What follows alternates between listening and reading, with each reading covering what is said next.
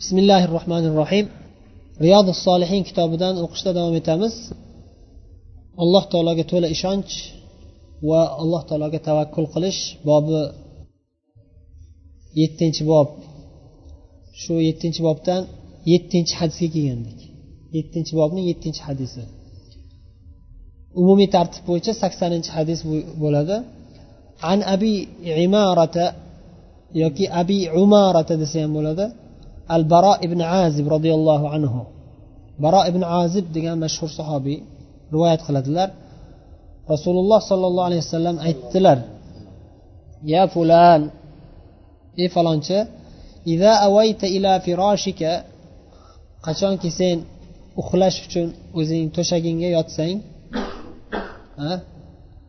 faqul aytginki quyidagi duo bilan duo qilib yotgin deyaptilar. اللهم أسلمت نفسي إليك ووجهت وجهي إليك وفوضت أمري إليك وألجأت ظهري إليك رغبة ورهبة إليك. لا ملجأ ولا منجأ منك إلا إليك. آمنت بكتابك الذي أنزلت وبنبيك الذي أرسلت وبنبيك الذي أرسلت. شو tugaydi duo mana shu duoni o'qib yotishga vasiyat qildilar e, nasihat qildilar.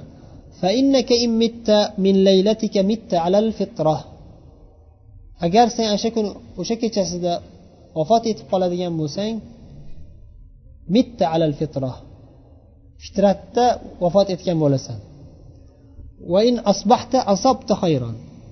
Agar vafot etmasdan tong ottirib yana hayotingiz davom etadigan bo'lsa asobta hayron yaxshiliklarga erishasan dedilar. Muttafaqun alayh. Endi mana shu duoni e, qisqacha tarjimasi bilan tanishamiz. Allohumma aslamtu nafsi ilayka. Ey allohim ey parvardigor ey olloh men o'zimni o'z jonimni o'zimni ya'ni to'la o'z jonimni deganda faqat ruh emas o'z o'zimni mukammal hamma yog'imni jonimniyu badanimniyu sog'ligimniyu aqlimniyu hammasini o'zimni senga topshirdim ey alloh. Va yuzimni senga yuzlantirdim. Vajjahtu vajhi ilayka va favvattu amri ilayka va men o'z ishlarimni senga topshirdim. Arab tilida qoida bor al mufradul mudof yaum bitta mufrat kalima muzof bo'lib kelsa o'sha jinsga kiradigan o'sha turga kiradigan hamma narsani o'z ichiga oladi. Om bo'ladi. Men o'z ishimni senga topshirdim degan hamma ishlarimni degan. Va o'zimning e, yelkamni belimni yoki tayanchig'imni o'zi lug'aviy ma'nosi ya'ni tayanchig'imni senga suyantirdim. Orqamni senga suyantirdim. Senga suyandim degani senga topshirdim senga suyandim senga tayandim. Rog'batan va rohbatan ilayka. Mana shu ishimni ya'ni senga o'zimni topshirishligimni senga yuzlanishligim va hamma ishlarimni senga topshirishligim senga tayanishligim rog'batan o'z rag'batim bilan o'z qiziqishim bilan nimaga qiziqaman? Seni savoblaringga jannatingga qiziqaman. Va rohbatan ilayka. Va seni do'zaxingdan azobingdan uqubatingdan qo'rqqan holimda senga iltijo qilib hamma yog'imni senga topshiraman. Ar rog'bat va rohba rog'batan bo'lganda qo'shilib ketaveradi. Va rohba kalimasi oyatni oyatda ham keladi. Bizga duo qilardilar rag'aban va rohaban bizga rag'bat bilan ya'ni bizni ajru savoblarimizga qiziqib iltijo qilib ajru savoblarni umid qilib degan demak shu rohbatan va rohbatan. Rohba allohga qiziqish va rohba allohning azobidan qo'rqib allohga iltijo qilish. La maljaa malja degani o'sha panoh topadigan joy degani menga hech qanday panoh joy yo'q. Panoh bo'ladigan hech qanday joyim yo'q. Vala manja minka. Sendan qochib qutuladigan najot beradigan hech qanday joyim yo'q. Ha? Malja panoh. E, topiladigan joy. Manja najot topiladigan joy. Nima ism makon. Ism makon lekin e, ma'naviy ma'noda ham kelaveradida bu. Ism makon muayyan bir makon emas umuman ma'naviy ma'noda ishlatilaveradi. Minka sendan qochib biron bir joyga borib panoh topolmayman ey olloh yoki biron bir tomon biron bir e, jihatdan najot topolmayman. Illa ilayka faqatgina sen o'zingga qochib seni o'zingdan panoh so'rayman. Sen seni azobingdan qochib seni o'zingni jannatingga o'zingni rahmatingga iltijo qilaman. Manja. Najot. Naja yanju. Malja iltijo naja ya'ni arabchadan olingan o'zi iltijo degan gap iltijo qilish borku. O'shanga o'xshaydi o'zi bu ham panoh berishni talab qilish. Masalan hozir qochqinlarni lajiun deb qo'yishadi. Eshitmadingiz? Lajiun suriyun deydiyu. Lajiun o'zbekiyun iltijo qiluvchi. Iltijo laja e, bir joyga qochib panoh talab qilish. Ha?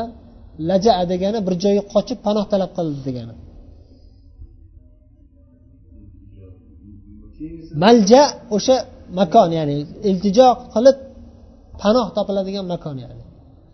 Manja najotdan naja yanju. Manja najot topadigan joy.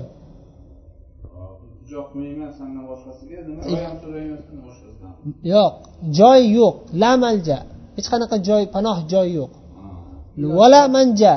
Hech qanaqa najot topadigan joy yo'q. Minka sendan qochib ya'ni illa ilayka magar sengagina iltijo qilib topiladi faqat. Ya'ni seni azobingdan hech qayerga qochib qutulolmaymiz illo seni rahmatingga iltijo qilib degani. Tushunarli bo'ldimi inshaalloh? Amantu bi kitabikallazi anzalta.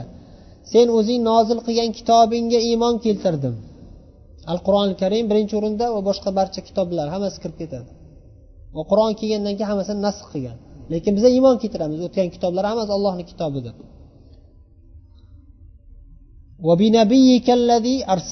va sen o'zing yuborgan payg'ambaringga iymon keltirdim deb o'rgatdilar. Mana shu duoni o'rgatdilar. Bu demak kechasi o'qiladigan duo. Yotishda. Boshqa payt ham o'qisa bo'laveradi lekin o'sha kechasi sunnat. Aynan sunnat muakkada bo'ladi. Endi sunnat muakkada deganda xuddi sunnat muakkada namozlardagi qattiq ta'kidlangan demasak ham lekin rasululloh o'rgatgan sunnat ya'ni o'sha vaqtga belgilangan sunnat yerda yana o'qidikku uni o'qimadingmi amantu bi kitabika allazi anzalta nozil qilgan وفي رواية في الصحيحين عن البراء يعنى صحيحين بلس صحيحين. آه، فترة الإسلام ها حاضر أيت مخشيد فترة إنسان تقولين أنه ولد فترة إنسان تقولين فترة إسلام. كل مولود يولد على الفترة توحيد. فترة الله يقان الله كالتجاق آه، يقان allohga sig'inib o'tadigan bo'lib tug'iladi inson.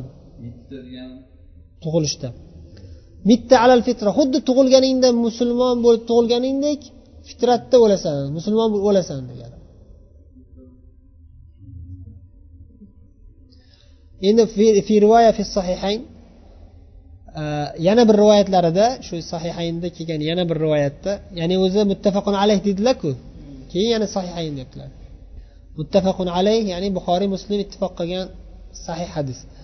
Va sahihayn ikkovi sahihlar ikkovlarining sahih to'plamlarida rivoyat yana bir rivoyatda baro ibn azibdan yana qo'shimcha rivoyat keladi ya'ni. Ida atayta bu yerda bu rivoyatda ya fulan deb turib otini aytilmadi. Va bunisida aytyaptilar qolali rasululloh. Rasululloh menga aytdilar deb ida atayta madjaaka qachonki sen yotadigan joyingga kelsang madja nima? Yonboshlab yotadigan joy. Yonboshlab irtija o'sha yonboshlash o'ng tomonga yonboshlash sunnat. Shuning uchun modja o'ng tomonga yonboshlab yotiladi. Yotadigan joyingga kelganingda fatavaddo tahorat qilgin. Demak bu yerda qo'shimcha nasihatlar. Faqat duoni o'zi emas tahorat qilgin birinchi. Xuddi namozga tahorat qilganingdek tahorat qilgin. Keyin o'ng tarafingga o'ng tarafingga e, yonboshlab yotgin. Vaqul keyin aytgin mana shu yuqoridagi duoga o'xshash duoni o'rgatdilar. Ya'ni shu duo. Keyin aytdilarki mana shuni eng oxirgi aytadigan so'zing qilib shundan keyin boshqa gap gapirmasdan uxlagin deydilar asharh sharhda nimalar bor ekan? Bir ko'z yuritib qo'yamiz.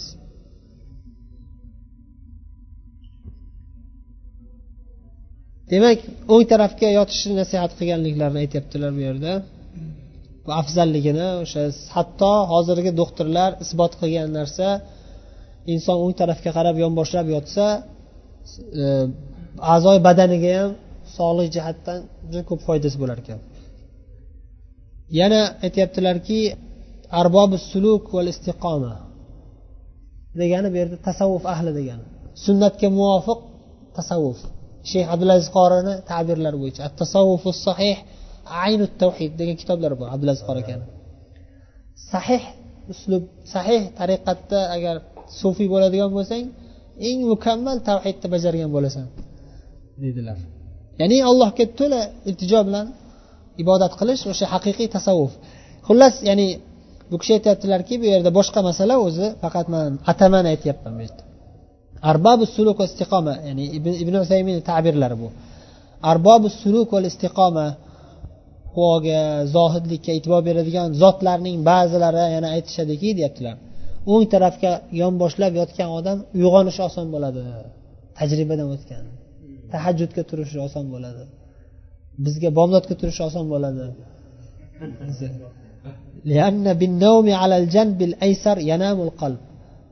Chap tarafga uxlab yotgan odamni deydi qalbi ham uxlab qattiq uxlab qoladi demoqchilar tez uyg'onish bo'lmaydi. Bu yerda bu oxirgi aytgan so'zing shu bo'lsin deganliklarini usaymin rahimalloh shunday sharhlayaptilarki yotishdan oldin demak o'qiladigan duolar ko'p. Shularni eng oxirgisi shu bo'lsin deyaptilar ya'ni masalan kim aytadi? Eng mashhur yotishdan oldin aytish kerak bo'lgan zikrlardan. Ko'p ha. Shu o'ttiz uch marta subhanalloh o'ttiz uch marta alhamdulillah o'ttiz to'rt marta allohu akbar deyish. Ali roziyallohu anhu bilan fotima olamizlar sho'ri kelib qolsa xizmatchi kelib qolsa bering deb talab qilib o'zlaridan so'rasholmaydi oysha onamiz orqali so'ratishganda keyin rasululloh o'zlari uylariga kelib yotgan joylariga kelib nasihat qiladilar. Xizmatchidan ko'ra shu shu zikr sizlarga yaxshi deb. Uni samarasini ulamolar aytishgan ya'ni haqiqatda shu o'ttiz uch martadan aytib yotgan odam kunduzi ham baquvvat bo'lib yuradi deyishgan ta'sir bo'lar ekan kunduzi ham ali roziyallohu anhu o'zlari o'sha vasiyatdan keyin biror kecha biror marta kanda qilmaganman deydi. Tasavvur qiling biza sunnat sunnatmi a sunnat ketaverdi. Biror marta kanda qilmaganman. Vala laylata siffin. Siffin jangi bo'lgan kechasida ham tashlamaganmiz. Kanda qilmaganmiz siz desa vala laylata siffin.